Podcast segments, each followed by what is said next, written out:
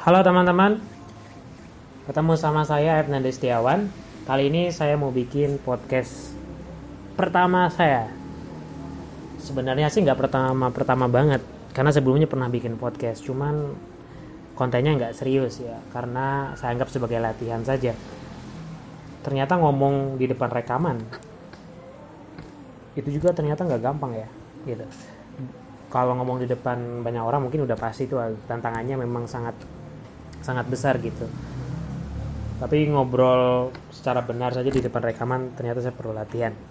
Nah karena ini podcast pertama saya saya nggak jamin juga nanti saya ngobrolnya bisa lancar bisa sistematis. Tapi udahlah dijalani saja gitu dicoba saja. Karena nunggu bagus itu saya juga nggak tahu bagusnya kapan. Si penting zaman sekarang itu uh, jelek saja dulu kayak gitu ya. Oke, tema kali ini saya mau ngobrolin tentang bagaimana sih metode belajar di era 4.0 ini sih hasil refleksi saya selama hampir 24 tahun hidup di era ya sebut saja era, era 4.0 sekarang ya era era milenial. Walaupun sebenarnya sih nggak 24 tahun banget karena saya 6 tahun lah kira-kira ya. Karena sebelumnya saya tinggal di di Kalimantan yang internet saja baru ada tahun 2014 itu pun saya sudah kuliah di Purwokerto kayak gitu tapi selama proses 6 tahun itu cukuplah menurut saya untuk merefleksikan atau melihat uh, gimana sih uh, pergerakan zaman-zaman uh, 4.0 nah kali saya saya pengen ngomongin soal metode belajar ya antara dulu sama sekarang. Dulunya itu maksudnya sekitar satu atau dua dekade yang lalu, jadi belum lama. Kondisinya sudah sangat berubah kayak gitu. Oke, kita mulai di zaman dulu ya atau mungkin juga sekarang masih ada sih. Orang itu untuk uh, bisa bekerja seperti itu orang harus belajar dulu. Artinya orang dulu itu belajar untuk bekerja. Kita mengenal di pendidikan 9 tahun. Artinya orang orang itu harus melewati masa-masa SD ya kan? SD 6 tahun ya kan? Kemudian tambah SMP 3 tahun kemudian SMA atau SMK 3 tahun. Setelah itu mereka masuk dunia kerja. Kalau mereka pengen dapat pekerjaan yang lebih bagus, berarti mereka yang beruntung masuk ke jenjang perguruan tinggi atau kuliah. Di sini pun yang beruntung bisa kuliah cepat 4 sampai 5 tahun bisa lulus kemudian masuk atau cari kerja. Yang sial ya bisa sampai 7 tahun kuliahnya. Nah, konsepnya paradigmanya pada saat itu ya kalau kamu pengen kerja atau pengen punya uh, karya atau pengen kalian kamu harus belajar teorinya dulu. Harus belajar dulu kemudian setelah itu kerja. Kenapa seperti ini? Menurut saya karena pada masa lampau ya ilmu pengetahuan itu aksesnya itu sangat terbatas. Terbatas karena dia hanya ada di institusi-institusi pendidikan sekolah ataupun kampus. Jadi kalau kamu pengen pinter, pengen tahu teori tertentu, pengen punya pengetahuan, pengen pengen punya kebisaan, kamu harus sekolah atau kuliah. Setelah punya kebisaan, baru masuk ke dunia kerja. Itu dulu saat semuanya aksesnya itu serba sulit. Nah, sekarang bagaimana posisinya? Sekarang kita masuk ke era keberlimpahan atau abundance. Di mana akses akan pengetahuan itu terbuka sangat luas. Teman-teman pengen tahu apa sekarang? Pengen tahu ilmu apa sekarang? Ya, tinggal cari di Google. Kalau teman-teman bisa bahasa Inggris, aksesnya pasti jauh terbuka lebih luas lagi. Kalau mau uh, teori apa aja sih ya? Itu bisa cari di kursus-kursus online ya, kayak Coursera atau MIT itu MIT ya, Massachusetts Institute of Technology yaitu kampus beken di Amerika juga mereka punya kursus online. Jadi teman-teman bisa ikut kuliahnya orang-orang MIT kayak gitu. Saya pernah ikut kuliah startupnya profesor di MIT jadi kurang lebih saya bisa mendapat akses pengetahuan yang sama seperti mahasiswa MIT walaupun saya adanya di di, di Purwokerto kayak gitu.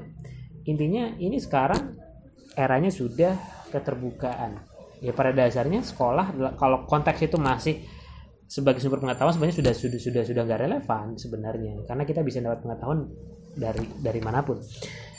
Tapi saya nggak mengatakan sekolah itu sekarang nggak relevan ya. Mungkin nggak simpel itu juga banyak melakukan adjustmentnya gitu. Karena di beberapa aspek tertentu dia masih masih penting juga. Tapi kita nggak bahas itu.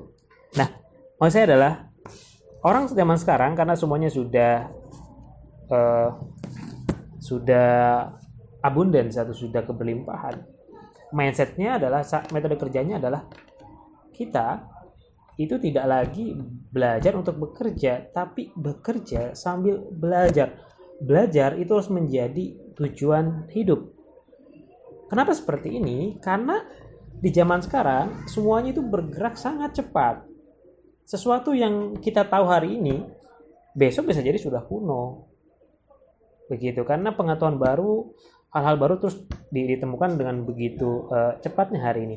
Makanya kata uh, Noah Harari kalau saya nggak salah uh, baca atau ingat di bukunya di zaman sekarang itu intelektualisme atau suatu yang sifat intelektual itu menjadi kurang kurang penting. Karena yang penting di zaman sekarang itu adalah satu kita itu harus punya kemampuan emosional yang bagus yang kedua flexibility. Nah paling penting flexibility. Kenapa karena kita hari ini dituntut untuk selalu bisa relevan dengan kondisi zaman. Oleh karena itu kita terus belajar terus belajar agar kita punya pengetahuan, punya keterampilan yang relevan dengan uh, zaman sekarang. Gitu.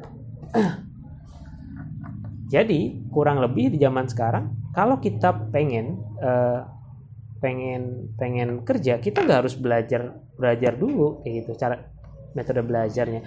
Kalau kita pengen pengen punya bisnis online, yang harus dilakukan itu bukan bukan baca-baca uh, teori digital marketing atau gimana cara jual online langsung cara mendalam tapi yang perlu kita lakukan hari ini adalah ya start small coba hal kecil untuk uh, mulai bisnis online. Mulai mulai aja dari hal-hal kecil. Pokoknya bikin akun Instagram atau akun di uh, marketplace kayak gitu. Bikin aja akunnya dulu masukin gambar-gambar habis itu gimana cara jualnya? Pelan-pelan kita belajar gimana cara jualnya di internet. Jadi start dulu cobain dulu kemudian baru saat itu belajar dan terus modelnya seperti itu. Ah ini bedanya kayak gitu. Jadi orang zaman sekarang nggak perlu uh, banyak-banyak baca teori di awal terus kemudian praktek. Bahkan uh, apa namanya? Uh, sebagian besar teori yang diingat bisa jadi lupa kan. Gitu. Jadi kita tuh nggak perlu ikut seminar bisnis sebenarnya. Kalau kita juga nggak nggak pengen atau nggak punya bisnis.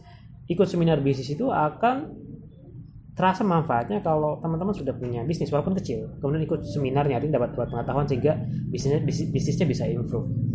Itu sih kalau menurut saya. Jadi cara belajar di era 4.0 nah itu episode pertama dari podcast saya semoga bermanfaat kalau teman-teman ada masukan silahkan kasih feedback langsung See you in the next podcast. Bye bye.